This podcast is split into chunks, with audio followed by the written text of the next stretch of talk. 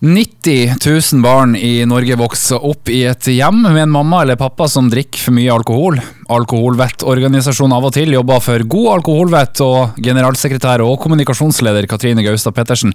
Det er vel dessverre sånn at jula er ei høytid der voksne drikker en del? Ja, det er det. Eh, desember er den måneden i året der vi nordmenn kjøper aller mest alkohol. Eh, og Det betyr at det er ganske mange barn som opplever at foreldrene drikker mer i jula enn det de ellers gjør. Jula er gjerne barnas høytid, men eh, når du sier det her innledningsvis, så høres det jo ikke sånn ut? Nei, jeg tror det er en del foreldre som trenger å bli minnet på nettopp det. Julaften er en dag som barn gleder seg til uker og måneder i forveien. Eh, og man skal være bevisst på at barn merker at voksne har drukket før vi voksne tror. Sånn at selv det du tenker på som litt sånn ekstra god stemning rundt middagsbordet med to, tre, fire glass vin, kan være nok til at barn syns det er utrygt.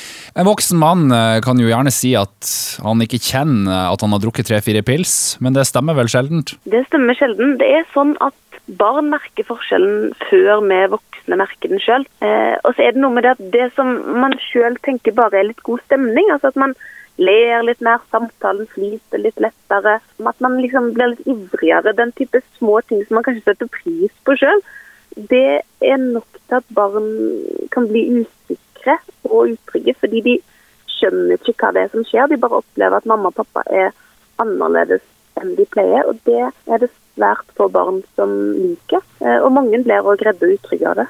Jeg ser for meg at barn ikke har utvikla følelser eller ord, eh, for å sette ord på følelsene som man gjerne får i sånne situasjoner. Eh, hvor viktig er det å tenke på det her?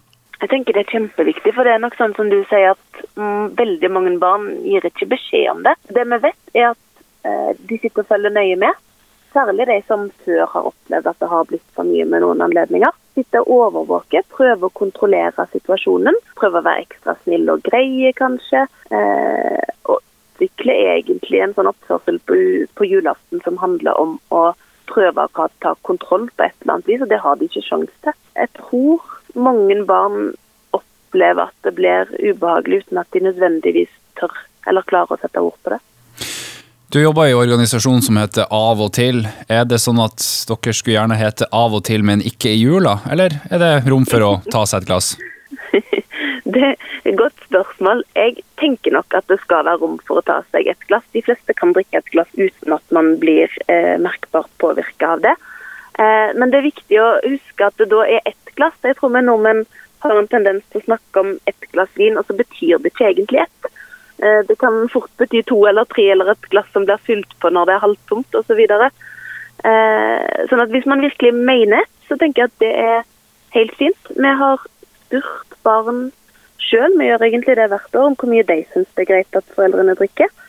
Eh, og da fordeler de seg ganske jevnt mellom null, ett og to glass. Eh, så det tenker jeg kanskje kan være en nyttig pekepinn. Ja. Bør vi voksne følge med på andres eh, drikking? Kan vi legge oss borti hva, hva naboen drikker? Det tenker jeg absolutt man kan, og jeg tenker det er viktig at man gjør det. Eh, sånn som du sier, så er det 90 000 barn som vokser opp i familier der foreldrene drikker for mye alkohol. Og Det betyr at de fleste av oss kjenner noen. Vi har sannsynligvis noen i, i nabolaget, som du òg sier, eller i familien og vennekretsen. Mm. Eh, så jeg tenker at det har man et ansvar for å gjøre som voksen. Til slutt, er det noen tips til barn der ute som kanskje ikke tør å si ifra? Ja, det er det. Jeg tenker at det kan ofte være vanskelig å si ifra til foreldrene sine. Da kan man snakke med noen andre. Kanskje en venn av eh, familien, en foreldre til venner, en tante eller onkel. Eh, det finnes sannsynligvis mange eh, rundt deg som bryr seg om deg, og som eh, er den tilliten verdig. Og hvis du syns det er skummelt å snakke med noen du kjenner, så finnes det en del chattetjenester og hjelpetelefoner for barn og unge. Man kan ringe til alarmtelefonen. Man kan chatte både med alarmtelefonen og med tjenester som Barsnakk, som er en organisasjon for barn som vokser opp med foreldre som drikker mye. Så det finnes mange der ute som kan hjelpe hvis man ikke tør å snakke med mamma eller pappa om det. Mm.